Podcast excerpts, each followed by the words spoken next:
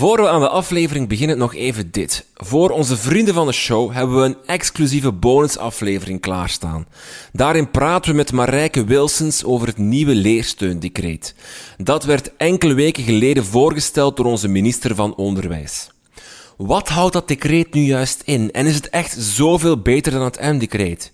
Je hoort het allemaal in deze bonusaflevering. Wil jij die nu ook luisteren? Word dan snel vriend van de show via onze website www.dekrijtlijnen.be. En dan nu naar de aflevering.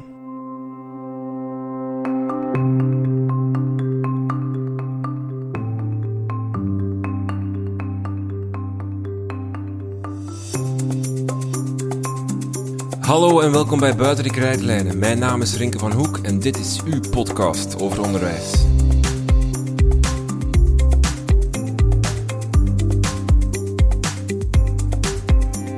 Vandaag praten we met Martijn Valken over klasmanagement.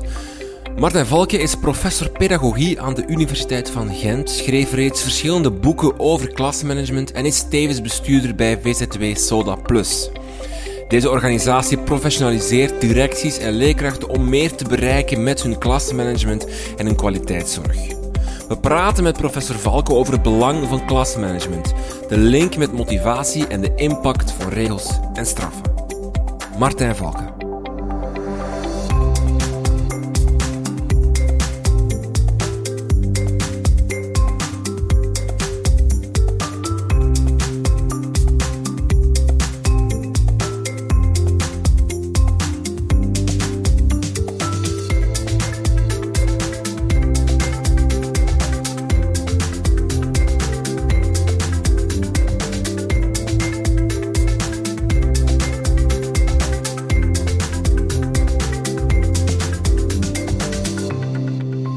Dag professor Valken, welkom in de podcast. We praten vandaag over klasmanagement. Nu, vooraleer we over uh, een begrip kunnen praten en daarover kunnen nadenken, moeten we misschien eerst even dat proberen te vast te leggen wat dat eigenlijk wil zeggen, klasmanagement. Uh, ik als leerkracht, ik zou denken, of ik denk vaak klasmanagement gaat over de orde in mijn klas, over de tucht, de discipline, dat ze allemaal braaf zijn. Ja, dat is, dat heel kort door de bocht natuurlijk. Je zou kunnen zeggen dat is de oude definitie van klasmanagement. Uh, tegenwoordig verstaat men daar eigenlijk heel veel dingen onder. En eigenlijk zegt men, kijk, klasmanagement, ja, dat is managen. Dat betekent dat je als leraar beslissingen neemt. Klasmanagement zal dus eigenlijk alle beslissingen bundelen die maken dat je uiteindelijk het doel kunt bereiken. Namelijk dat die leerlingen bepaalde eindtermen of leerplandoelstellingen of lesdoelstellingen bereiken. Dus het is niet alleen orde discipline, maar eigenlijk ook alle andere mogelijke beslissingen. Dus het, het gaat eigenlijk over alles wat je doet of laat om te zorgen dat, stel bijvoorbeeld als doel van ik wil vandaag, ik ga het heel simpel pakken, hè, ik wil vandaag dat mijn leerlingen um, de, de DT-regel kunnen op het einde van de les. Alles wat ik doe dan om dat doel te bereiken, is klasmanagement. Maar ja, je moet eigenlijk heel goed kijken wat, leerling, eh, wat een leerling eigenlijk moet kunnen doen, maar ook wat de leraar daarvoor allemaal moet beslissen. Dat is ongelooflijk veel. Die moet bijvoorbeeld opdrachten verzinnen. Die moet dat organiseren. Wel, gewoon die keuzes van welke opdracht. Bijvoorbeeld die, die T-regel, dat, dat, klinkt heel eenvoudig, maar je moet dat doen bij een tekst. Welke tekst? Van wie is die tekst? Wel, daar kun je gaan kiezen voor een bepaalde tekst in een handboek. Maar je kunt even goed zeggen van, jongens, kies maar eens een tekst uit de krant. Er is een heel mooi voorbeeld uit Engeland in het beroepsonderwijs, waar men enorm veel last had om bijvoorbeeld grammatica-regels aan te brengen in het Duits. En die leraar heeft daar ineens gezegd, ik stop met dat handboek. Ik kies vanaf nu de voetbaluitslagen. Nu, als er één ding populair is in Engeland, dat is voetbal, hè, vooral bij de jongens. En die werkte vanaf dan met in feite de verslaggeving in de, in de Berliner Zeitung. En daar keken ze dan naar grammatica-regels. En ineens had hij die leerlingen wel mee. Dus dat is evengoed een klasmanagement uh, ingreep, waar je kijkt van, ik, neem een, ik maak een keuze, ik neem een beslissing. Dus welke doelen, welke leerstof. Maar ook ga ik alleen werken met die leerling, geef ik ze een groepsopdracht. Eh, maar even goed, uh, hoe spreken we af in de organisatie? Bijvoorbeeld timing. Heel veel leraren geven een opdracht. Wel, hoe kom je tot de timing bij een opdracht? Schrijf je dat in de agenda in te leveren 5 december en je schrijft dat in op 1 september? Dat is een ramp bij veel leerlingen. Je doet dat best met tussentijdse uh, planningen. Maak je een eerste afspraak, een eerste vorm, een eerste versie. Dat is klasmanagement. Dus eigenlijk het idee van klasmanagement gaat over, over tucht of orde of discipline. Klopt niet, Maar, het is er wel een deel van. Het is een deel van. Hè. Uiteindelijk moet je ook even goed de echte regels gaan afspreken. Wat kan wel, wat kan niet. Hoe gaan wij om met gewoon kledij? Hè. We kunnen dansen hijsen rond kledij op het einde van vorig schooljaar. Maak daar regels over. Maar wat je ziet is dat leerlingen de dag van vandaag zeggen... ja, maar u legt regels op, kunnen we die niet eens bespreken? Dus afhankelijk van de leeftijd ga je dus weer een andere beslissing nemen. Ga je regels in feite gaan voorleggen aan, aan leerlingen. Dat betekent niet dat je geen regels nodig hebt. Evengoed uh, afspraken over wat doen we als iets niet in orde is. Maak daar afspraken over. Dus orde, tucht, discipline, dat zijn woorden waarvan we soms te veel benadrukken dat die van één kant komen. Wat we zien, dat maakt eigenlijk dat uw relatie met uw leerlingen nogal bepaald wordt door tuchtregels, orderegels. Het vreemde is, wanneer we aan leerlingen zelf vragen van welke regels wil je uitvoeren, komen we meestal 9 op de 10 uit bij de regels die er liggen, maar dan wel geformuleerd vanuit het perspectief van leerlingen. U spreekt van een systemische benadering van klasmanagement.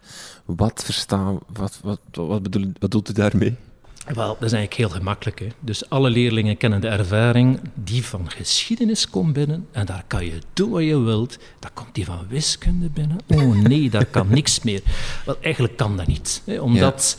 Uh, dat, dat, krijg je zo'n danige ja, verschillen tussen leraren. Een systeem betekent één, iedereen, alle actoren zijn op de hoogte. Ja? En dat is niet alleen leraren, maar evengoed de mensen van het secretariaat, de mensen in de keuken, de mensen in, in, de, in de labo's, de mensen in de ateliers. Let op, we hebben het niet alleen over uh, doorstroomonderwijs, wat we vroeger ASO noemen, maar evengoed over beroepsgeoriënteerd onderwijs. Dat is het eerste aspect van het systeem. Het tweede is dat het dus niet alleen over die orde, tucht, discipline, dus bijvoorbeeld over een schoolreglement gaat, maar ook over hoe kom ik tot een les, hoe kom ik tot een evaluatie, hoe kom ik tot afspraken met ouders? Dat is evengoed een deel van het systeem.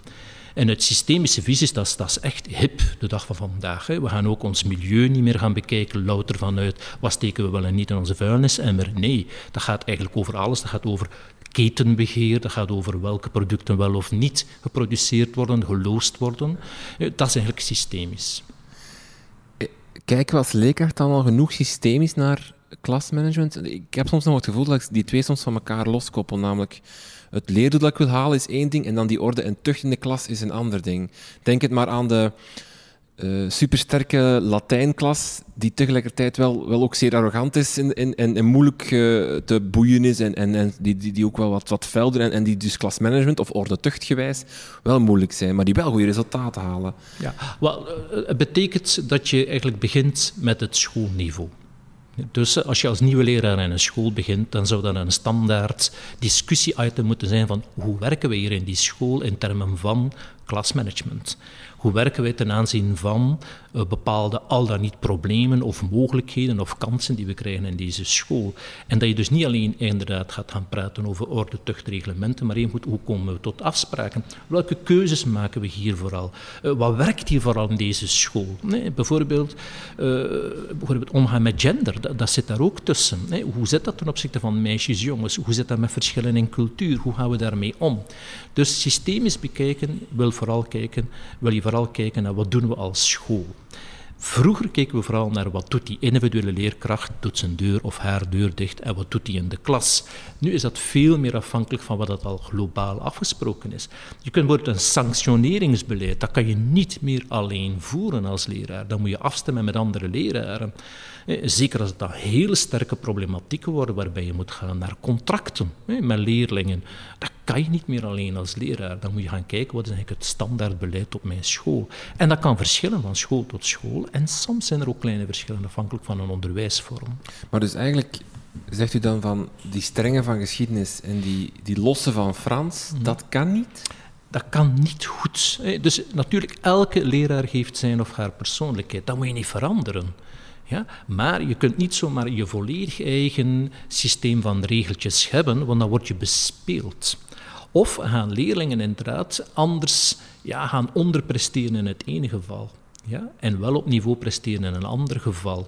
Dus dat kan niet meer. Ook is het zo dat we natuurlijk hele grote afhankelijkheden hebben. Als u taken oplegt, dan beïnvloedt u meteen de planning van de taken van een ander leraar. Als er nu één ding is waardoor leerlingen in de kramp gaan of in de stress gaan, is dat eigenlijk door een slecht takenbeheer op een school. En ja, je moet voor mij altijd klaar zijn. Voor mij moet je altijd kunnen een toets doen. Ja, sorry, maar dat betekent dat je dan negeert dat die leerlingen niet alleen leerling zijn, maar soms ook een dochter die de verantwoordelijkheid heeft voor drie kleine kinderen, omdat de moeder alleenstaand is. Dus je moet veel meer rekening houden met wie zijn die leerlingen. En dus die, die losse zal dan geapprecieerd worden, de strenge zal niet geapprecieerd worden, maar moest die strenge gewoon komen tot goede, doorgeprate afspraken met die leerling, dan gaat dat even goed gaan. Ik ben niet een strenge leraar, vraag maar eens aan mijn studenten. Dus, uh... maar bent u wel, maar, maar mag het wel anders zijn dan? Mag bijvoorbeeld je mag zijn. Rustig, eh, wat, rustig in de klas zijn bijvoorbeeld, dat is voor de ene leerkracht kan dat, moet dat muisstil zijn, voor de andere leerkracht is het een beetje groezemoes zelfs te leuk. Sommigen willen dat, dat is een deel van de werkelijkheid. Hè. Leerlingen moeten leren omgaan met verschillen. Net zoals dat leraren moeten leren omgaan met verschillende leerlingen. Dat kan niet anders. Alleen is het wel zo, als het gaat om dingen die voorbij die directe relatie in een klas gaan en een impact hebben op wat er buiten de klas gebeurt, dan moet je afspreken. Want eh, we merken in een lager onderwijs dat leraren wel vrij goed de leerlingen kennen, maar in een secundair onderwijs dat men die soms totaal niet kent. En soms negeer je een werkelijkheid die gruwelijk is. Dus eh, nu met corona hebben we dat heel goed gemerkt. Heel veel leraren die eigenlijk niet wisten dat bijvoorbeeld hier in het Gentse 60% van de leerlingen hebben geen werkplek thuis. Hoe ga je dat organiseren als er twee, drie broers zijn thuis of zussen? Hoe ga je dat dan doen? Afstandsonderwijs. En dan zie je dat je ineens plots wel voor klasmanagement veel verder moet denken dan ik, mijn klas, mijn les op dat moment. Nee, dan moet je meer structureel gaan kijken en dan moet je systemisch. Mm. Voordat we ingaan op hoe je nu goed klasmanagement doet, mhm. even wat zijn de gevolgen van een falend klasmanagement? Die zijn eigenlijk uh, nogal ingrijpend. Hè. Dus het, wanneer je een falend klasmanagement hebt, kan je eens zelf in de problemen komen. Zelf als leerkracht? Als leerkracht. Dus, en, en dat merken we ook. Hè. Dus wij weten dat uh, nu al na, binnen de vijf jaar na afstuderen of beginnen in een uh, onderwijssetting, dat soms al twee op de vijf afhaken. Hm. Dat is natuurlijk een ramp. Hè. Dus leerlingen, uh, leraren gaan dan naar een burn-out toe, stress, niet meer hanteerbaar, keren ook niet meer terug naar het onderwijs. En die cijfers liegen er niet om. Hè. Dat is echt realiteit. En we weten dat hoe strakker je klasmanagement in elkaar zet, en mij bedoel ik niet hoe strenger, maar hoe beter je definieert, hoe rustiger je ook in feite naar je werkplek kunt gaan, naar je school kunt gaan. Dus het eerste punt is een goed klasmanagement eigenlijk een punt van zelfzorg. Hm? En eigenlijk voor jezelf zorgen. En we weten dat ook allemaal. Hè. Met je naaste gelijk jezelf. Dus eigenlijk, je eigen liefde bij klasmanagement is heel belangrijk. En je moet dus ook keuzes maken die passen bij jezelf. Daarnet zegt u, moet ik dan... ook beschermen dan? Sorry? Die, die jouzelf ja, je moet jezelf beschermen. Ja. Nee, je moet ook heel goed je eigen grenzen daarin kennen. En daarom dat uh, ja, niet authentiek zijn. En dus inderdaad de, de joviale uitgangen, terwijl je eigenlijk toch een wat meer terughoudend karakter heeft, dat hou je niet vol. Dus klakkeloos de, de, regels overnemen die de school bijvoorbeeld algemeen heeft ge, ge, geformuleerd ook al passen die niet bij jou, ook al gaan die in tegen jouw manier van zijn, van lesgeven. Dat moet je vertalen naar jezelf. Die moet je vertalen naar jezelf. Naar jezelf. En, en, je moet ook natuurlijk ook durven onderkennen dat het soms niet klikt. Nee, we zien dat ook, leraren die afhaken in één school en in een andere school gaan werken. Dat is net hetzelfde als voor leerlingen. Niet alle leerlingen passen in een school. En dat noemen we dus de, de, de, de learner school fit. Dat heb je even goed bij leraren. Dus niet elke leraar past in elk systeem, schoolsysteem. En daarom dat wij ook leraren aanraden van probeer elders. Dus eh, het is niet omdat je, dat het niet zo goed marcheert in de ene school, dat het niet zo werken in een andere. We hebben dat in andere jobs ook. Mm Zelfs bij hoogopgeleiden. De, de ene arts in een ziekenhuis die, die voelt zich niet thuis, gaat naar een ander ziekenhuis en het werkt wel. Dus mhm. toch die fiets, je moet durven je eigen persoon toch niet vergeten en, dus, eh, en jezelf beschermen. Dat is eigenlijk het eerste gevolg van in feite een slecht klasmanagement, dat die leraar niet meer functioneert.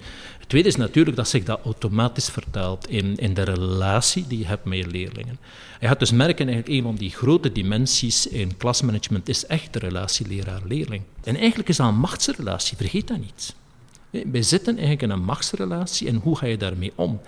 En dan zie je in, in de klassieke definities van die relatie, bijvoorbeeld de hele autoritaire, leraar, versus wat we dan noemen een autoritatieve leraar. Dat is iemand die, die iets is, die zijn vak kent, die, die iets uitstraalt van wauw jong, als die begint over geschiedenis, iedereen zijn mond valt open, dat, dan noemen we een ander soort autoriteit. En iemand die van daaruit ook helder afspraken met leerlingen, eh, geen losse afspraken, nee, harde afspraken, maar die afspraken ter discussie brengt die onderhandelt, die, maar ze niet loslaat. Dan noemen we autoritatief. En dan zie je die, dat dan eigenlijk de relatie veel beter hanteerbaar is. We hebben ook leraren die heel veel verantwoordelijkheid aan leerlingen geven, die dat kunnen, die dat kunnen een beetje loslaten. Niet elke leraar kan dat, maar oké. Daarom is het geluk dat we meerdere leraren op een school hebben. Je krijgt de variatie die je hebt in de maatschappij, die krijg je ook op een school. Hm? Maar het belangrijke is dat je goed beseft, laissez-faire, ja, dat dat niet werkt op een school. Want dan krijg je een situatie die leidt tot chaos. Dat ook daar die moderne theorieën heel duidelijk kijken naar het interactie-effect in een relatie. Wat ik doe met een leerling, dat lokt iets uit. Geef ik verantwoordelijkheid, dan krijg je plots een andere verhouding dan wanneer ik iets opleg aan een leerling. Vraag, nodig je uit tot het maken van een afspraak, dat heeft een ander effect dan wanneer je in feite een regel oplegt. Dus dat is iets waar nu eigenlijk heel veel aan gewerkt ook wordt in lerarenopleiding, is beseffen dat je eigenlijk in een relatie zit en dat je eigenlijk altijd een actie-reactie-effect hebt. En dat je als leraar goed beseft, geef je een taak, dat de inhoud van die taak ja, de, de structuur van die taak, de steun die je bij die taak geeft, allemaal een gevolg heeft voor je relatie. Leerlingen gaan nu bekijken op een bepaalde manier. Dat bekijken is een relatie. bijvoorbeeld geef ik een opdracht en ik zeg van, uh, doe maar. Je krijgt de volledige vrijheid om het uit te voeren. Dan ga je zien dat je heel veel leerlingen krijgt die onzeker worden. Die kunnen dat niet aan, die vrijheid. Dus waarom niet te doen wat heel veel leraren doen, is van, kijk, ik heb hier een basisstructuur je mag die gebruiken. Ja? Dus, en we zijn er zeker van dat die werkt. Dan heb je nog dat leerlingen die iets anders willen doen, dat kan, maar leerlingen gaan dan toch niet ja, losgelaten worden of het gevoel krijgen van we moeten het zelf maar verzinnen. Aanvankelijk klinkt dat goed, je mag volledig zelf kiezen wat je gaat doen. We weten dat dat eigenlijk niet werkt. Leerlingen willen structuur. Hè. En we weten ook dat hedendaagse motivatietheorieën, dat die expliciet zeggen dat structuur geven is motiverend. Want dan stel je leerlingen in staat dat ze het kunnen. Terwijl als je geen structuur geeft, dan bevorder je eigenlijk niet het gevoel bij een leerling van ik kan het. Ja, je zit dus een hele grote link ook in klasmanagement met het woordje motivatie. Ja, en bij motivatie zou je kunnen een hedendaagse theorie nemen, zoals wat we noemen de ABC-theorie. Dus uh, wat is ABC? Dat betekent autonomie bevorderen, ja, belonging, namelijk bijgroeren, bevorderen en competentie bevorderen. En elke leraar die in zijn relatie met leerlingen daar, daar oog voor heeft, gaat dus zien, hey, competentie bevorderen, dat is maken dat iemand iets kan, wel, geef structuur. Een ander is veel meer feedback geven. Uh, er zijn als expert, nee, zorg daar ook voor. Terwijl autonomie is bijvoorbeeld keuzes geven. En dus zeggen, niet zeggen van, oké, uh, vandaag lezen we dit boek, hm? maar zeggen van, kijk, vandaag kunnen we keuze maken uit deze drie boeken. Maar waarom zouden A kiezen, waarom zouden B kiezen, waarom zouden C kiezen? En dus meegeven aan die leerlingen in hun autonomie, ze mogen die autonomie hebben, maar waarom zouden we kiezen? En niet zomaar, ik kies. Nee, op restaurant ook, als je kiest voor een menu, heb je meestal wel een bepaalde reden waarom dat je van die autonomie gebruik maakt. Dus keuze geven is goed, maar probeer de leerling te dwingen om de waarom voor hen duidelijk te krijgen, of die met jou te communiceren? Ja, dus eigenlijk gaat het erom dat je bij leerlingen heel sterk hun eigen interne mechanismen probeert te helpen verwoorden. Heel weinig leerlingen, maar ook leraren aanvankelijk, hebben een taal om over hun eigen werk te praten. Waarom doe ik dit? Waarom doe ik dit graag? Waarom doe ik dit niet graag? En dus eigenlijk die, die motivatietheorieën geven eigenlijk een taal mee om daarover te praten. En dus het woordje autonomie, belonging, competentie, dat is een heel tof model, omdat dat vrij ja, grijpbare begrippen zijn. Hm? Belonging ook. Iedereen denkt, belonging, oh, groepswerk, groepswerk, groepswerk. Ja, alsjeblieft. Uh, ik kan u gerust mee vanuit mijn uh, ervaringen groepswerk, dat, dat, kan helemaal verkeerd lopen. Ja, waarom? Ja, als je nog niet op niveau zit, nog niet de basiscompetentie of de basisvoorkennis krijgen, wat krijg je? Vier leerlingen gaan samen zitten rond de tafel en wat is de eerste vraag die ze stellen? Wat moeten we doen? daar zet je dan met je autonomie in de knoei. dus belonging kan dus evengoed door als expert er te zijn. Dus als een partner van uw leerlingen. Hey, van, kijk, groepswerk, doe maar. Maar je kan onmiddellijk een vraag stellen aan mij. Maar je moet wel met een vraag komen. Je kunt niet vragen, help mij. Nee, je moet een inhoudelijke vraag stellen. En dan zie je dus, dan zeg je, belonging kan, maar niet alleen tussen die leerlingen, maar ook met mij. Maar jij moet definiëren wat je van mij wilt. Bijvoorbeeld, ik geef heel veel feedback aan studenten, maar ik zeg van, ja, we gaan niet in een zaal gaan samenzitten waar ik wacht of er een vraag is. Nee, ik wil op voorhand op de website, in het forum, wil ik jullie vragen zien. Is er geen vraag, dan kom ik gewoon niet. Ja, ik geef jullie de autonomie. Ja, ik wil een relatie met jullie opbouwen, maar je moet wel gebruik maken van die autonomie. Dus je ziet, klasmanagement is een relationeel iets waarin je toch subtiel omgaat met die verantwoordelijkheden daarin. Maar altijd goed beseft, alles wat je zelf doet in je klasmanagement, elke keuzebeslissing die je neemt, heeft een actie-reactie, effects. Hm? En dat bewustzijn daarover, dat proberen we eigenlijk bij uh, die studenten in onze opleiding bijvoorbeeld te verkrijgen. We gaan er allemaal vanuit dat leerlingen kunnen samenwerken, dat ze kunnen lezen, dat ze kunnen structureren, dat ze kunnen samenvatten. Er zijn zoveel assumpties over wat dat leerlingen zouden moeten kunnen om zelfstandig taken te doen thuis. En wat merken we? Ze kunnen het niet. Ja, maar ja, dan moeten de leerlingen niet blameren, dan moet je onderwijs organiseren. Dus, en je ziet dus bij klasmanagement, ontdek je soms dingen, tekorten bij leerlingen, die je niet aan de leerlingen kunt toeschrijven. Ja, wij zeggen dikwijls, kijk eens naar een schoolreglement van een school. Hoeveel van de dingen die daarin staan, zijn eigenlijk leerdoelen die je als school zou moeten gaan ontwikkelen. Bijvoorbeeld deadlines. Je moet deadlines respecteren. Ja, maar hebben leerlingen ooit geleerd om deadlines te respecteren? bijvoorbeeld taalgebruik in de klas. Ja, maar hebben leerlingen dat wel geleerd? Hm? bijvoorbeeld stilte en stil zijn of stilstaan. Maar hebben die dat ooit geleerd? Dus we hebben zoveel assumpties over wat een leerling, de ideale leerling zou moeten zijn. dat zoals dat geliefd kiest. Dan hebben we zo een projectie van het ideale lief. Die vind je nooit. Hè? ik weet niet hoe dat, dat bij u was. Oh, ik weet niet wat ze luistert, dus ik weet niet. ja, dat is nooit wat je hebt gedroomd. Het is altijd iets wat je creëert. Je creëert iets in een relatie. Met leerlingen is dat ook zo. Je hebt geen ideale leerlingen. Je creëert eigenlijk de leerlingen zelf waarmee dat je werkt. En dat is een beetje wat dat klasmanagement is. Dat is eigenlijk work in progress. Dat is eigenlijk iets waar je werkt. Hm? Dus vanuit motivatiestandpunt, vanuit relationeel standpunt, ook klasinrichting, dat is nog zoiets. Dat is klasmanagement. Hoeveel scholen zijn er eigenlijk supergezellig? Waar je echt zegt, wauw jong, die ruimte, dat is zo inspirerend, zo warm, gezellig. Dat, dat zet je neer op een stoel, waar je onmiddellijk voelt dat je lichaam gegrepen wordt in een leerhouding. Ja, ik, weet, ik ben een beetje cynisch, sarcastisch en ironisch tegelijkertijd bezig. Maar, maar, daar wordt heel veel onderzoek over gedaan. En we zien nu in Vlaanderen geleidelijk aan een betere architectuur en heel veel bedrijven die ook inzetten op meubilair. Mhm. Waarom is er geen zethoek op school voor leerlingen? Ik weet niet, ik, ik ben uh, ooit opgeleid in een school waar het verboden was om stil te staan op de speelplaats. en iedereen moest in dezelfde richting wandelen. En je mocht nooit stilstaan. voetballen dan, denk ik. Ja, dat mocht niet voetballen worden. Nee, nee, maar wie verzint zoiets? Maar wat krijg je dan natuurlijk? onderdeums gedrag uh, achter de rug van. Je lokt het zelf uit. Waarom mag daar geen zethoek zijn? Waarom mag daar geen niveauverschil zijn? Waarom kan er niet een hoek zijn wat leerlingen wat kunnen samenzitten? Nee, er zijn allemaal... Ja, maar dat zou kunnen leiden tot... Ja, maar, maar zomaar een open ruimte. Wat, tot wat leidt dat? Tot leerlingen stormen naar buiten en beginnen te roepen. En dat, dat, is het beeld dat men heeft over die de speelplaats. De speelplaats, die schelle stemmen, dat groep. Hoe komt dat? Dat is de ruimte die het zelf uitlokt. Dus eigenlijk ook de ruimte waarin dat we werken van een school is een deel van klasmanagement. Een klas, waarom is een klas zo gezellig?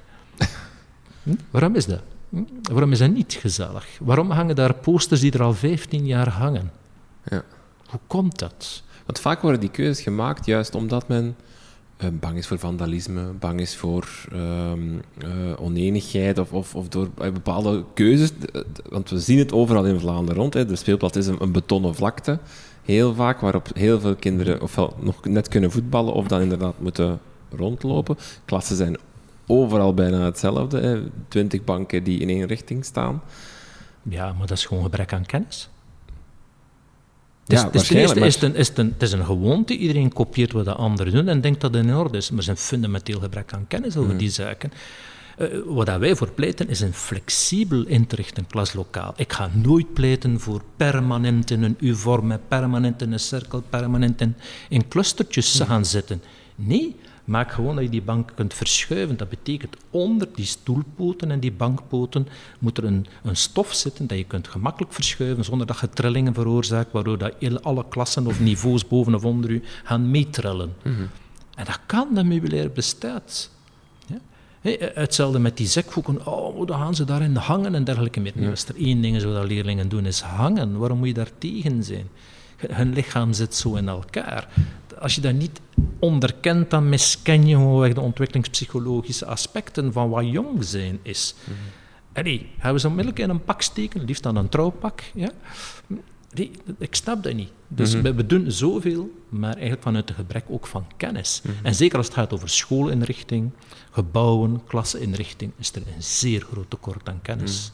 Mhm. Hm? En dat zorgt ervoor dat wij dus lokalen hebben die niet aangepast zijn. Hm? En waar daar leerlingen zeggen, ja, eigenlijk Iedereen heeft eigenlijk een slechte herinnering aan een schoolgebouw. Iedereen. Ook de heur. Hè? Alleen al de heur. ik herinner me de heur van dat lokaal zelfs. U heeft al een aantal um, factoren die, klasmanagement, uh, die belangrijk zijn binnen klasmanagement aangehaald. Um, ik wil ze graag nog eens eventjes één voor één doorlopen, maar misschien eentje waar we al wat snel voorbij gaan zijn, is de leraar zelf. De beliefs, hè, of, de, of de opvatting van de leerkracht speelt een belangrijke rol. Um, in welke mate? Dat is eigenlijk echt niet te onderschatten. Vooral omdat die beliefs, dat hangt eigenlijk... Ja, je, moet dat eigenlijk zien, een leraar...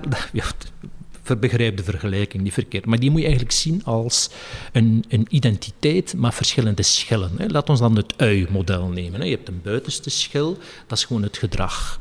En daaronder krijg je dan eigenlijk ja, competenties basiscompetenties die je verworven hebt, meestal in een opleiding, maar verder ook vooral door ervaring, alsjeblieft, ervaring onderschat. En daaronder zitten dan de beliefs. Hm? En dat zijn eigenlijk dus dieperliggende dingen die eigenlijk al langer aanwezig zijn, die, die trager evolueren. En dan daar nog een keer onder zit eigenlijk echt uw identiteit, wat samenhangt met uw persoonlijkheid. Dus die beliefs gaan heel sterk over, wat vind jij belangrijk? Wie vind jij belangrijk? Normen en waarden. Normen en waarden zitten daarin. En wij weten, normen en waarden zijn zeer moeilijk te veranderen. Dat kun je maar doen door anderen bezig te zien, door die bespreekbaar te maken. Maar dus beliefs op tafel krijgen is heel lastig. Er bestaan instrumenten Maar we weten zelf de zwaktes van die instrumenten. Ook al, ook al omdat om zo'n instrument te maken, moeten we weer al een taal delen met elkaar. bijvoorbeeld, hoe gaan we over ras praten met elkaar? Gender, natuurlijk maakt u geen verschil in gender. Jij maakt wel verschil in gender. Ja? Jij maakt wel verschil als er iemand met een andere kleur voor u zit. Dat, kan niet anders. Dat, dat, hangt mee met de waarden en de normen die je meegekregen en de mate waarin je al dan niet bewust die waarden en die normen in handen pakt. En dan kijk van, beïnvloedt dit nu mijn keuzes? We merken bijvoorbeeld, een van die beliefs gaat over jongens en meisjes.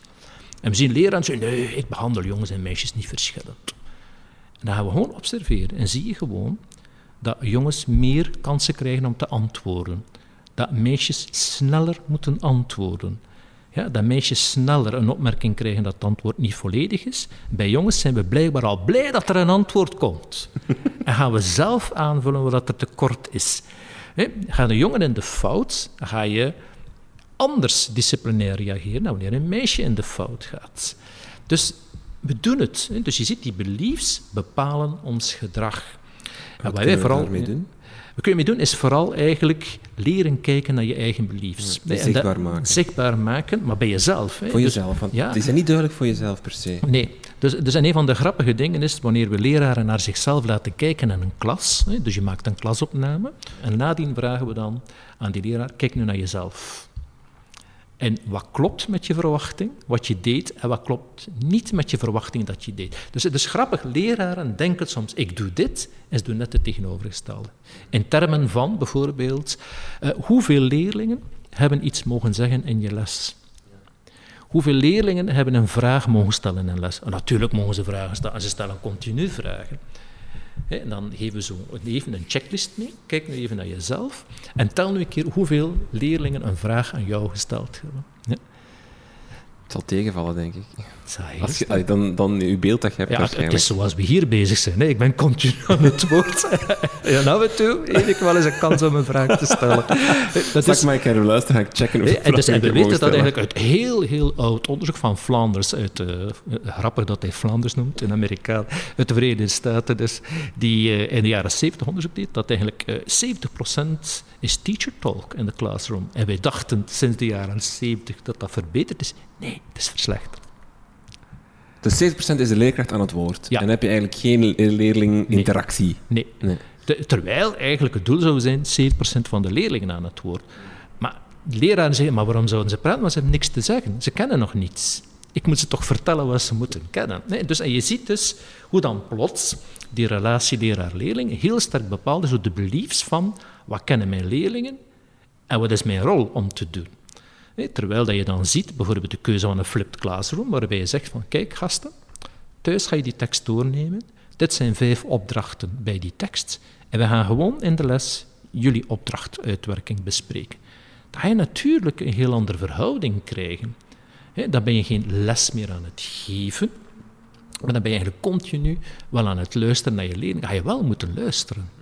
Dus je ziet dat de keuze voor de werkvorm ook alweer een deel is van je klasmanagement, bij de ook beïnvloedend is voor de verhouding die je creëert, voor hoeveel verantwoordelijkheid je krijgt, ook voor hoe serieus je hen neemt en in welke mate je gelooft dat ze dingen kunnen. Dus, en vergeet niet, eigenlijk 40% van de resultaten van leerlingen is bepaald door een voorkennis.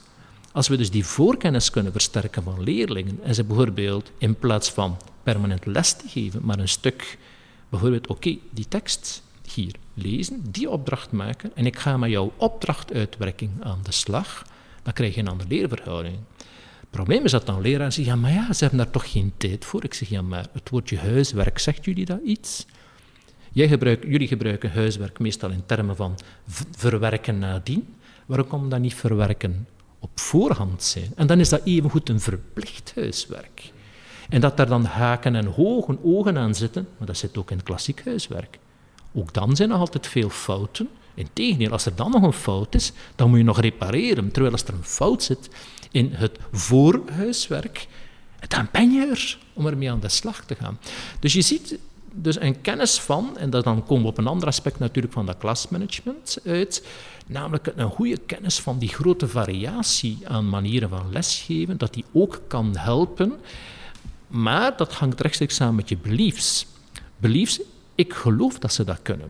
En we zien dus dat heel veel leraren daar niet zo'n vertrouwen in. Het is niet alleen een geloof, het is ook een vertrouwen. Hè. Motivatie, dat heeft er ook wel een beetje mee staan. We heeft het ook al even over gehad. Uh, ABC-methode, inderdaad. autonomie, betrokkenheid en competentie. Uh, dingen die je moet proberen te stimuleren of, of, of, los te maken bij de leerlingen. Wat doe je met leerlingen die, die echt compleet gedemotiveerd zijn? Dat, is, dat de klassieke vraag. Hè. Wat doe je met leerlingen die echt compleet gedemotiveerd zijn of niet gemotiveerd geraken? Dus ten eerste moet je onderkennen dat dat normaal is. Dus, dus zeker als je werkt wordt in een secundair onderwijs, uh, wij weten ontwikkelingspsychologisch dat motivatie van leerlingen voor schoolse zaken dat die afneemt, zeker vanaf 14, 15 jaar, en pas maar op het einde, 17, 18 jaar, weer gaat gaan toenemen. Is daar een oorzaak voor? Kom aan, hè, de wereld is toch wel wat interessanter dan wat er op school gebeurt. Het is gewoon dat eigenlijk, ja. ja. je lichaam is veranderd. Ja. Uh, toevallig ontstaat er dan iets aandacht voor, het, voor, uh, voor uh, wat een ander geslacht of hetzelfde geslacht betekent. je ontwikkeling is meer dan alleen een cognitieve ontwikkeling, dat is ook een sociale, emotionele, relationele mhm. ontwikkeling. Ondertussen ontwikkelen zich ook allemaal uw interesses. Je zit in een band, je zit in een groepje. Is daarom dat corona ook zo pijnlijk in de persoonlijkheidsontwikkeling van, van kinderen en jongeren sneed. Ja, dus, en de school is daarin regelrechte competitie met de ontwikkelingsnoden van kinderen. En een school kan daar niet aan beantwoorden. Dus je moet eigenlijk durven onderkennen dat leerlingen meer zijn dan eigenlijk een leerling. Nee, dat, dat zijn zich ontwikkelende wezens en dat er dus zijn die totaal afhaken. Ten tweede, motivatie is een interactie gebeuren. Een leerling is niet gemotiveerd. Nee, een leerling wordt gemotiveerd door zijn interactie met een omgeving. En die omgeving is de school en ook het thuismilieu. Ja, het gij thuis ouders die minder schoolgeoriënteerd zijn, of die absoluut geen prioriteit geven aan de school, of die dwingen dat die leerlingen thuis met andere dingen bezig zijn, dan gaan natuurlijk die kinderen een andere motivatie hebben als ze naar school gaan. De oorzaken van die motivatie altijd bij die leerling leggen, dat is eigenlijk heel vreemd. Nee, motivatie is een interactieprobleem van die leerling in zijn of haar omgeving, op school, thuis en in de rest van de maatschappij. Kan die leerling bijvoorbeeld nauwelijks Nederlands? Maar natuurlijk beïnvloedt dat volledig de relatie dat hij heeft met de omgeving. Ja, krijgen we onmiddellijk een communicatieprobleem en beïnvloedt dat meteen, ja, ik doe hier niets goed. Ik heb hier geen enkele succeservaring. Nu, het eerste wat we willen in ons leven is een succeservaring. En is dat wat je... Want ja, je zegt, motivatie komt door interactie met zijn omgeving. Delen van die omgeving, daar zit die school in of die leerkracht in. Of zelfs maar een klein deeltje, namelijk de schoolomgeving, maar al die andere delen niet. Moeten we dan ook nederig zijn als leerkracht en, en, en, en durven zeggen van ja, die jongen is gedemotiveerd, hij heeft daar ja, zijn redenen toe, zeg ik met aanhalingstekens. Hè, van, of er zijn de oorzaken zien we en we begrijpen het ergens wel. Ja, wat je dat ook zien, dus bij de hele problematiek van spijbelen, heb je heel veel factoren van spijbelen die niks te maken met die leerling, maar met die omgeving. Mhm. En dat die leerling eigenlijk het slachtoffer is van de omgeving. Wat kan je dan doen als leerkracht? Want ja, ten eerste moet je dat weten. Ja. Nee, dus dat betekent... Dat je niet kwaad wordt op die leerling, maar dat je... Ja. En dat, dat, je eigenlijk onmiddellijk jouw ervaring deelt met anderen. Daarom dat gelukkig dat installeren van die klassenraden in Vlaanderen zo, zo goed is. Ja, maar niet om te, om te roddelen over leerlingen. Maar doet hij dat ook zo slecht bij u? Nee, van, nou, heb jij in de gaten wat er aan de hand is met Frans? Heb jij in de gaten wat er met Aisha aan de hand is? Heb jij Marleen, ineens gaan die prestaties zo achteruit. Wat is er aan de hand? En dus niet altijd direct gaan kijken naar die leerling maar even naar in die omgeving. Dus dat systemische van klasmanagement, dat is ook bij een leerling. Een leerling leeft in een systeem en is beïnvloed door meer dan de school alleen. En dat is moeilijk hanteerbaar. En dus daarom dat we gelukkig vertrouwenspersonen hebben op school, want je moet op een bepaald niveau ook durven stop zeggen. Dus ik krijg dikwijls vragen van uh, leraren en van studentleraren van ja, ik krijg hier een persoonlijke vraag van een leerling die met een relatieprobleem zit. Ik, zo, ik zeg afblijven. Dat is uw expertise niet. Doorverwijzen. Doorverwijzen. Luisterend oor en helpen door door te verwijzen. Hm? Maar proberen uw expertise in de hand te houden en dan proberen bespreekbaar te maken in het team. En dan misschien dat we vanuit de school afspraak kunnen maken met die leerling de omgeving om dingen te temporiseren, on hold te zetten, een andere planning te maken. Maar zo zijn er al hele rare dingen ontdekt. Dat er plots ja, kanker ontdekt is bij de moeder, die leerling presteert niet meer en die leerling wordt gestraft op school omdat de taken niet meer in orde zijn. Ja, totdat hij ineens uitkomt ja, dat die moeder zo ziek is. Oh, hadden we dat geweten. Dat gaat erom, we moeten signalen oppikken en die signalen niet vertalen in een dysfunctioneren onmerk van een leerling, maar van wat is er in die leerling en of het systeem er rond dat kan maken dat die leerling plots zo, zich zo reageert. Dat die plots zo reageert. Dat is klasmanagement. Dat is eigenlijk heel bewust omgaan met al die processen, variabelen, die eigenlijk jouw effectiviteit en efficiëntie kunnen beïnvloeden in een klas.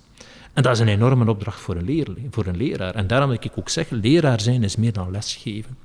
Ja, dat heeft te maken met de relatie met de leerlingen, de leraar als opvoeder. Dus wij noemen dat een van de functionele gehelen in de opleiding van leraar. De leraar als opvoeder dat betekent dat je weet dat dat een jongere is die voor u zit. Dat dat een kind is met een bepaalde ontwikkelingsnoden, die in een eigen omgeving thuis zit. Het andere is de leraar als cultuurparticipant. En die leerling is ook een cultuurparticipant. Er zijn experten die, die, die, die zeggen van leerkrachten moeten zich eigenlijk focussen op dat kennisgegeven wat lesgeven, want eigenlijk al dat sociaal welzijn of dat, dat, dat uh, socioculturele of dat, uh, de thuissituatie, om het maar even in simpel woorden te zeggen, kunnen ze toch niet beïnvloeden. En dat, en dat is toch de grootste factor die zal bepalen of een leerling uh, slaagt of niet, of dat hij het goed doet of niet. En daar hebben ze toch geen invloed op. Dus hou je daar niet mee bezig. Doe maar eens, zou ik zeggen. doe maar. maar want uw toch hier toont wel een beetje aan dat het niet kan, want het zal invloed hebben op je klas. Ik heb nergens nu gezegd dat je geen les moet geven. Nee, nee, nee. Nee, dus het probleem is, als je begint over die andere factoren, dan word je blijkbaar gedwongen, heel veel in de media ook, van oh, we moeten voor nu alleen maar dat meer doen. Nee, ik ben de laatste om dat te zeggen. Ja, studenten weten dat ook van, van mij bijvoorbeeld, dat ik heel strak sta op. Sorry, maar de basis moet er wel zijn bij leerlingen. Je kunt maar een huis bouwen als het fundament er is. Dus geheugen is superbelangrijk, maar moet wel gevormd worden bij leerlingen. Dat niet, maar er is wel die nederigheid dat, ja, dat al dat leren bij die individuele leerlingen zo afhankelijk is van zoveel andere processen in de omgeving van die leerling. Als je dat miskent, dat dat niet gaat lukken. Het en-en-verhaal is moeilijk te Dat is zeer moeilijk te, verkopen. het is moeilijk te vertellen en dat, dat, is ook lastig in de media. Iedereen zegt altijd, het is veel te moeilijk, te complex. Ja. Kunnen niet zoiets eenvoudig, een slogan. ja, maar we hebben dat gezien met het eenvoudige. In coronatijden, we hadden super lesgevers, super leraren. En toch faalde het onderwijs, maar niet door die leraren. Maar gewoon, ja, maar hoe zit het met de teams? Hoe zit het met de, met de technische ondersteuning? Hoe zit het met de organisatie? Hoe zit het met het contact met ouders? Je ziet dat plots al die andere facetten van, leerschap, van leraarschap ook naar voren kwamen. Dus je krijgt eigenlijk dat, dat holistische karakter. Maar dat is net hetzelfde in andere beroepen. Je kunt een ingenieur toch niet reduceren tot zijn vaardigheden en bruggen bouwen. Die zal even goed moeten gaan kijken, ja, maar hoe zit het met die omgeving? Hoe zit het met de inplanting van die brug? Hoe zit het met in feite een maatschappelijk weefelen waar dat die brug gaat overhangen? Dus we zien de hele problematiek van de ring rond Antwerpen bijvoorbeeld. Dat is geen technisch probleem, dat is ook een maatschappelijk probleem. Leraarschap is net hetzelfde. Dus je kan wel zo hard focussen op kennis overbrengen, maar je zal ook rekening moeten houden met al die andere dingen. Ja, maar dat betekent niet dat je dus, wanneer je lestijd hebt, je niet moet gaan bezighouden met lesgeven. Nee, dan moet je lesgeven. Maar je moet wel dat, al dat bewustzijn hebben dat lesgeven meer is dan alleen maar die 50 minuten, hè, bijvoorbeeld economie geven. Hmm. Nee, daar zitten leerlingen. Hè, en die leerlingen die, die zitten in een netwerk en dat werkt wel. En als we nu weten, in bijvoorbeeld bepaalde scholen hier, 85% van de leerlingen zijn anderstalig. Gaat je daar geen rekening mee houden? Oh nee, alleen de kennis is belangrijk. Nee, dan had hij moeten iets doen aan uw taal. Dan had hij moeten zeggen van, laat ons een technisch woordenboek maken. Ja, en elk mag in, in zijn eigen taal de woorden daarnaast plaatsen, zodat je moedertaal versterkt wordt en de schooltaal versterkt wordt. Maar we blijven lesgeven in het Nederlands. In hoeverre leert een leerling beter als hij de leraar graag heeft? Is dat een, een correlatie die opgaat? Ja. Het, het onderzoek is heel duidelijk daarover. Wanneer dat de leraar leerlingrelatie, en ik bedoel dus de leerrelatie, als die goed zit, dan vertaalt zich dan met een beter resultaat. Maar, maar, dat betekent niet... Dat je, moet je dan de vriend worden van de leerling? Nee. Nee, maar dat de relatie duidelijk zit. Dat, dat er een, een dus afstemming is. Je kan heel is. strikt en streng zijn en... en, en, ja. ik, ik ken heel veel, en heel veel mensen die, die appreciatie hadden voor leraren, maar die hadden wel iets te vertellen. Hè? Die, die, die waren niet autoritair. Dat is dat autoritatieve waar ik het over had. En we zien altijd bij leerlingen heel veel appreciatie voor mensen die een vak kenden, die dat met bezieling deden, maar die ook wel eisend waren. En dan is dat heel eigenaardig. Leerlingen pikken dat dan wel. Terwijl iemand die daar zit, alles was daar mogelijk en alles mocht je doen. Ja, ik ga de leraar niet vernoemen. We hadden zo iemand in mijn secundair onderwijs, maar ik heb mij dat beklaagd nadien toen ik aan de universiteit studeerde, want ik kende daar dan ook wel niets van. Ja, want dat staat ook in uw, in uw boek van sterke leraren, die, die, dat zijn strikte leraren, dat zijn leiders. Dat zijn, dat zijn, en daar scoren leerlingen ook. Eh, daar halen ze ook goede leerprestaties. Ja, maar, dus, maar, dat, maar dat is, je moet opletten dat je niet ziet sterke leiders, dat dat dan mensen zijn die dirigistisch en streng zijn. Hè? Dus, maar die wel leider uitstralen. Ja, die wel, dat is de, de, de die gezien worden als leider. Ja, ja maar je, hoe word je als leider gezien? Door van, die heeft iets te vertellen. Ja, uh, daar kun je mee praten. Dat is helder. Ja, helder, helder, beschermt mij, verstaat wanneer dat iets verkeerd gaat. Ja, luistert. Dat, dat is, dus het probleem is dat men dat altijd heel sterk ziet als alleen mensen die heel streng disciplinair zijn. Nee, dus die leiders zijn meestal ook mensen die charismatisch kunnen zijn, die iets uitstralen. Die ook empathisch zijn? Ja, maar dat is daar een deel van. Ja? Maar, dus, maar je zult alles zien dat weer aan de kant zit van laissez-faire, uh, geen eisen stellen, dat eigenlijk leerlingen dat wel gemakkelijk kunnen vinden, maar dat op het einde van de rit niet appreciëren. En dat die daar niet van leren. Dat die dan ook achteraf daar ook over klagen. Dus die van, dan gaat het verhaal van. Maar dus ook het omgekeerde, als je, als je een moeilijke klas hebt bijvoorbeeld, die, die de echte boel op stelt, daar binnenkomen met, met bij van spreken de hakbijl in de hand en zeggen: Ik ga hier nu iets gigantisch streng zijn en, en ze één keer bewegen en, en hup, ik heb ze vast, bij wijze van spreken, of ze vliegen, vliegen eruit. Is, is niet de leider die je dan moet zijn. Ja, maar, dus, maar het probleem is, er bestaat geen recept. Dus de schillegenade, je hebt die klas, er komt een ander leraar binnen en daar zijn ze onmiddellijk stil. Dus, dus nog eens, een, een relatie is echt een relatie. Dat betekent, is een actie-reactie-effect. Dus er is een hele discussie gehad over eh, bijvoorbeeld hoe ga je van de speelplaats naar de klas. Moet dat, dit is nu even eh, een aspect dat, dat echt te maken heeft zogezegd, met regels en discipline. Ja, ik heb leraren die gewoon die fluiten één keer en alle leerlingen stoppen met lopen en die wandelen gewoon naar de klas en die gaan op een plek gaan zitten.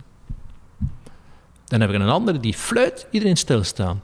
Fluit, tweede fluitsignaal, iedereen in de rij gaan staan. Derde, derde fluitsignaal, eerste klas naar binnen. Volgende, tweede klas naar binnen. En dat is een zootje en ruzie en geduw en getrek en allemaal. Dus het is niet omdat er meer regels zijn en dat er meer discipline is dat dat plots... Nee, het gaat erom van hoe is dat gecommuniceerd, hoe heeft dat, is dat opgebouwd. En vooral ook als er één leerling uit de band springt of niet onmiddellijk doet wat je zegt, ga je die dan onmiddellijk straffen. Ja? Dus wij weten, dus wat dat heel veel leraren doen, is van op afstand beginnen roepen. Dat, dat weten we, dat is het recept voor een disaster, recipe for a disaster. Andere leraren, die gaan naar die leerling toe van, is er iets, moet ik nog helpen aan iets? Want je volgt de regels niet, dus er loopt, er loopt loopt er iets fout, maar dat kan zijn dat er hier iets is waardoor dat je nog moet praten. En dan, dan, maar dan ben je Vaak is het andersom. Hè? Vaak roep je en dan zegt die leerling, ja, maar er is dit nog aan de hand. En dan zeg je, ah, sorry. En dan... Ja, of wat sorry, of wel geen sorry, want regels zijn regels. Ja, ja, ja. ja? Dus, en, we zien dat dat meestal een escalatie... Met, dus eigenlijk moet je gaan kijken, van, in welke mate krijg je een escalatie? Naar luider en geweldiger, of een desescalatie. En we merken van zodra je leerlingen individueel aanspreekt en benadrukt, dat je sneller een desescalatie krijgt. Maar aanspreken is niet roepen, hè. Dus, en je weet, als je roept naar iemand, dan lok je roepen uit. Die regels, u, u zei net al, van het, is, het, is, het is heel waardevol om die, om die te laten opstellen door je leerlingen. Omdat je dan één, die autonomie krijgt, je krijgt die betrokkenheid en ook wel deel competentie, want ze worden ingeschakeld om de regels te maken. Um, en heel vaak krijg je de regels die je eigenlijk zelf voor ogen had. Ja, dat is het, dat is het eigenaardige. Dus dat betekent niet dat je kunt niet starten met een basisset van regels. Zeg maar, kijk, eh, vorig jaar hadden we deze regels op school. Vinden jullie die goed? Vinden jullie die goed? Wat, wat klopt daar niet aan? Wat klopt daar wel aan? Uh, en, en je weet op voorhand welke de gevoelige regels zijn. Die gaan over deadlines, over kledij.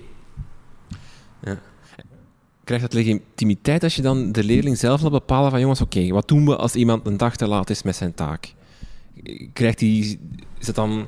We krijgen meestal, het krijgt legitimiteit op het moment dat zich voordoet. wat gaan we nu doen, gasten? Jullie hebben die regel geïnstalleerd. Wilt je nu dat ik die afzwak of niet?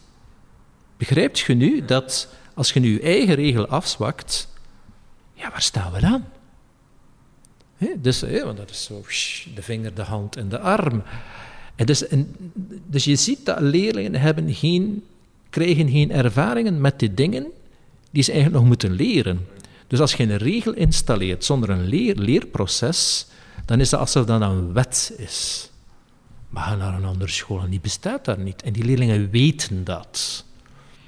Die weten ook soms dat de regels anders zijn bij andere leraren. Vandaar de discussie over verschillende regels bij leraren. Die weten soms dat de regels anders zijn aan een andere school. Er bestaat dus geen uniform set van regels. Het enige is, er moet wel een basisreglement zijn, maar heel veel van het reglement heeft te maken met het functioneren in relatie tot een klas. Bespreek dat. En we zien dat bespreken leidt sneller tot dat leerlingen zelf ontdekken dat eigenlijk regels nodig zijn. Straffen.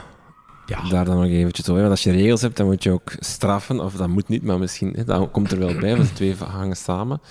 Um, moet je consistent zijn. Stel je maakt een afspraak met je klas. Uh, uh, bijvoorbeeld, je zegt van um, als je je handboek vergeten bent, dan volgt er straf X. Moet je dan consistent altijd dat doen? Ja. Um, en Gelden excuses? Ja, kijk, als je het niet doet, is het hek van de dam. Dus dan moet je geen regels meer hebben. Nee, maar dan zit, de volgende dag zit iedereen daar zonder handboek. Ja, want zonder handboek kunnen we niet functioneren. Ja, dan moeten we al beginnen delen, moeten ze bij elkaar zitten. Maar als dat met experimenten is in een labo, dan gaat dat niet meer. Mm Kom aan, dan moeten kopietjes gaan maken. Moet iemand naar het kantoor van het secretariaat gaan, kopietjes gaan maken. Dan zijn 20, 30 minuten verder. Dat gaat niet. Ja. Het andere is natuurlijk dat mensen zeggen, als inderdaad de handboek dan zo belangrijk is, maak gewoon dat er een instructiepakket in het labo bij elke opstelling ligt. Dat is een andere oplossing, dan heb je dat allemaal niet nodig. Ja? Maar je moet wel consequent zijn. Is dat iets dat je moet doen? Of, want je hebt ook mensen of, of uh, um, experten of die zeggen van ah, straffen niet doen. Ja, maar straffen, je, je hebt veel soorten straf. Je hebt straffen is echt iets negatiefs doen naar hen, maar een ander soort straffen is iets positief onthouden. Bijvoorbeeld, het liefste wat leerlingen doen, is eigenlijk in de speeltijd buitenlopen. Oh ja, gewoon, sorry, je blijft, blijft in de klas. Dat is eigenlijk een efficiënte straf dan zes bladzijden laten schrijven. Nee, wat je dan aan het doen bent, is schrijven in de vernielingreden, de leraar Nederlands aan het pesten. Ja? Ja, ja. ja en, en, bovendien, en wat ga je doen als ze die zes bladzijden niet schrijven? Twaalf. Ja. Ik bedoel, dit, bij straffen moet je heel goed gaan nadenken.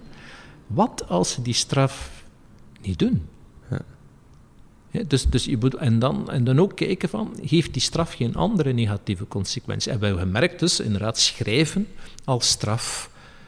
Alsjeblieft, doe dat die andere leraren niet aan waar schrijven belangrijk is. Dus nee, ik zou het belangrijker vinden dat je, dat je iets ontneemt, vrij snel, wat dat leuk is. En dat is meestal de speeltijd. Dat. Eh, strafstudie verstond ook vroeger, kent je dat nog? Nee. Moest op zondag of zaterdag of zo. Ah, bij ons dat woensdag. Ja, woensdag. woensdag. Ja, maar, maar weet je dat je daar soms meer de ouders mee straft dan de kinderen? Dat kan dus niet. Hè? Dat, dat, dat eigenlijk ouders plots van hun werk zouden moeten komen omdat hun een kleine... Nee. Eigenlijk klasmanagement is jouw verantwoordelijkheid binnen de schooltijd. Lopen de spuigaten uit, dan is eigenlijk het belangrijkste zo snel mogelijk dat er een gesprek komt mhm. met die leerling buiten de klascontext. Een van de dingen die we geleerd hebben rond agressiemanagement is het probleem dan onmiddellijk oplossen? Nee. Eigenlijk de hele klas maken dat je verder les kunt geven. Ja? Het probleem labelen, wel aanduiden en zeggen van en ik kom daar straks met jou op terug. En dat is dan in de speeltijd bijvoorbeeld. En dan kun je een straf geven. En dan kunnen we afspraken maken over wat er moet gebeuren. Ja? ja. Maar, maar, en dan het woordje straf is een heel raar ding. Hè? Wat is een straf? Een straf is iets dat je moet doen, ja? dat niet aansluit bij jouw directe behoeften. En die je eigen directe behoeften in feite gaat gaan doorkruisen. Maar toch ook als doel dan dat je wil dat die leerling dat niet meer doet. Ja, maar dat hij daar ook over reflecteert. Ja, dat hij ook door heeft van, ik mag dat niet meer doen. Ja, maar bij de meeste straffen is dat nooit aan de orde. Dus eigenlijk het leereffect uit straffen, wij weten uit gewoon psychologisch onderzoek, je leert dat niet uit.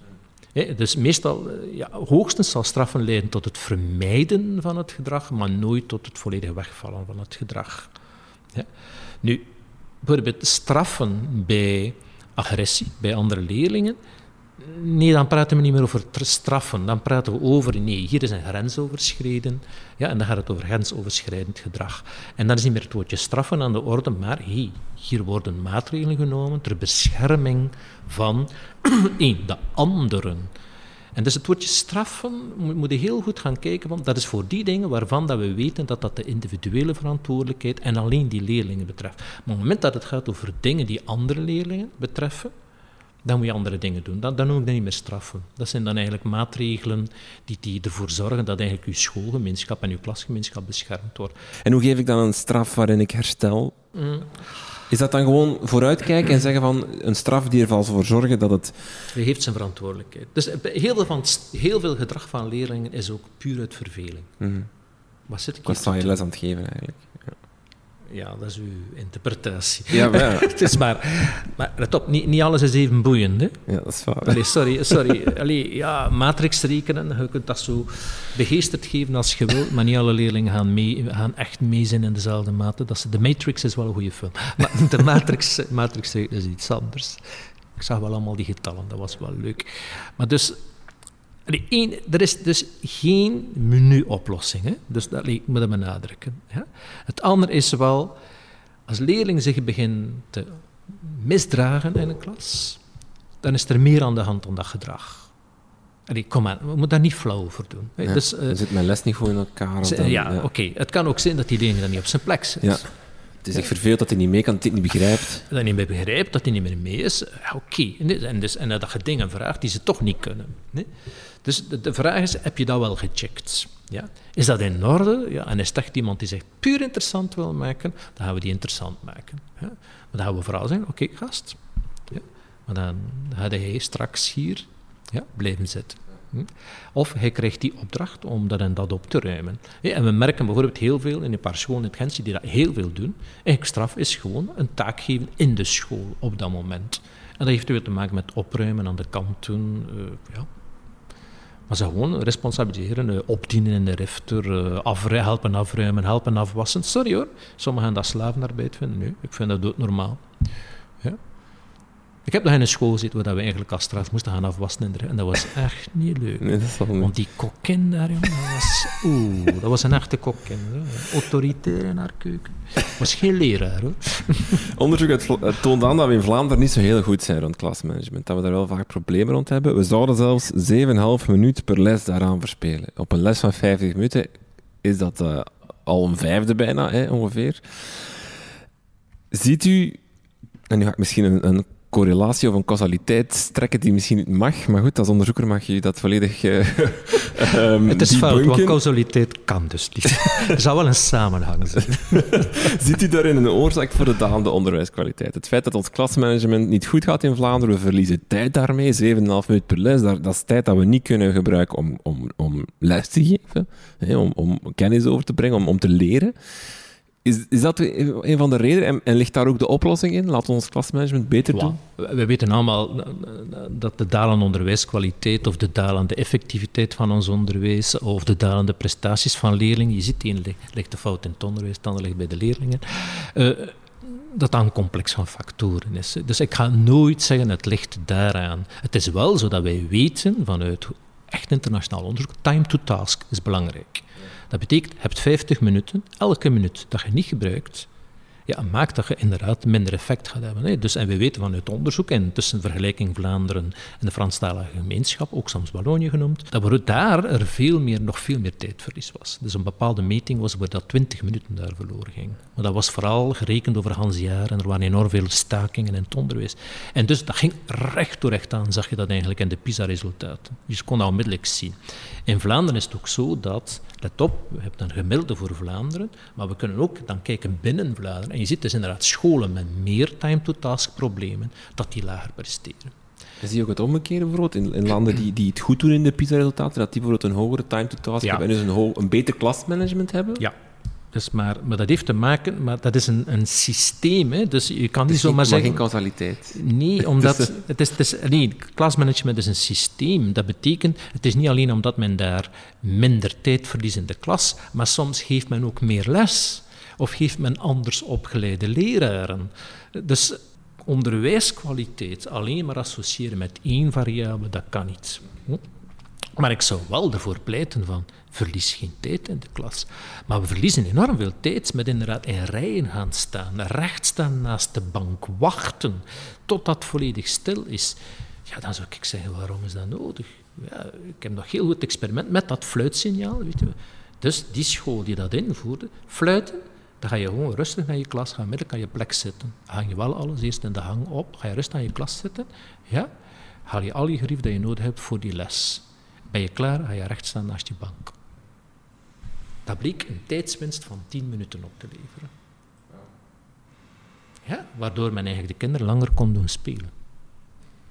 Ja, waarom zou je dan meer les moeten geven, dacht men natuurlijk. Ja, toen dacht ik misschien wel meer les geven. Hm? Maar time to task is ongelooflijk belangrijk.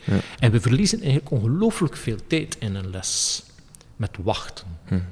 voor hoeveel wacht leerlingen... tot ze stil zijn, wacht tot het uitgedeeld is. Maar ook leerlingen wachten. Wachten totdat je aan de beurt bent.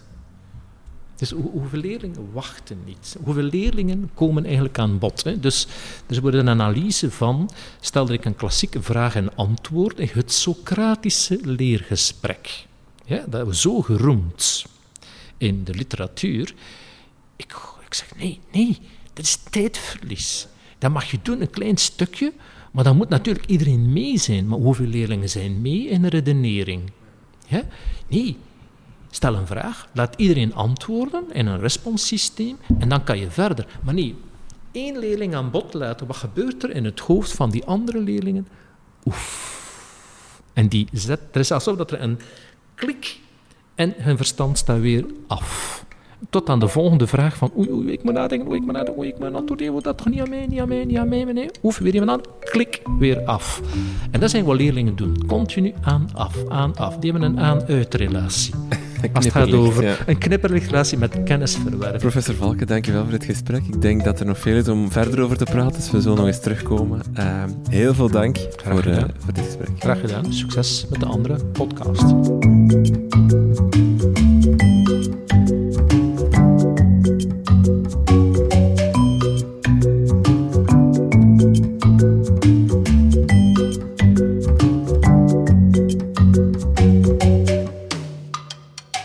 Dit was het weer voor deze aflevering van Buiten de Krijtlijnen.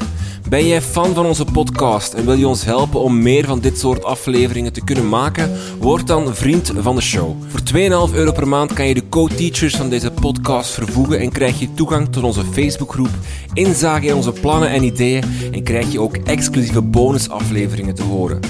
Niet twijfelen dus. Surf naar www.dekrijtlijnen.be en word vriend van de show. Volg ons ook op Facebook, Twitter of Instagram om op de hoogte te blijven van onze plannen. We hebben ook een nieuwsbrief waarin we je vertellen over onze nieuwe afleveringen, maar ook interessante lees- en luistertips met je delen. Heel veel dank voor het luisteren en tot de volgende.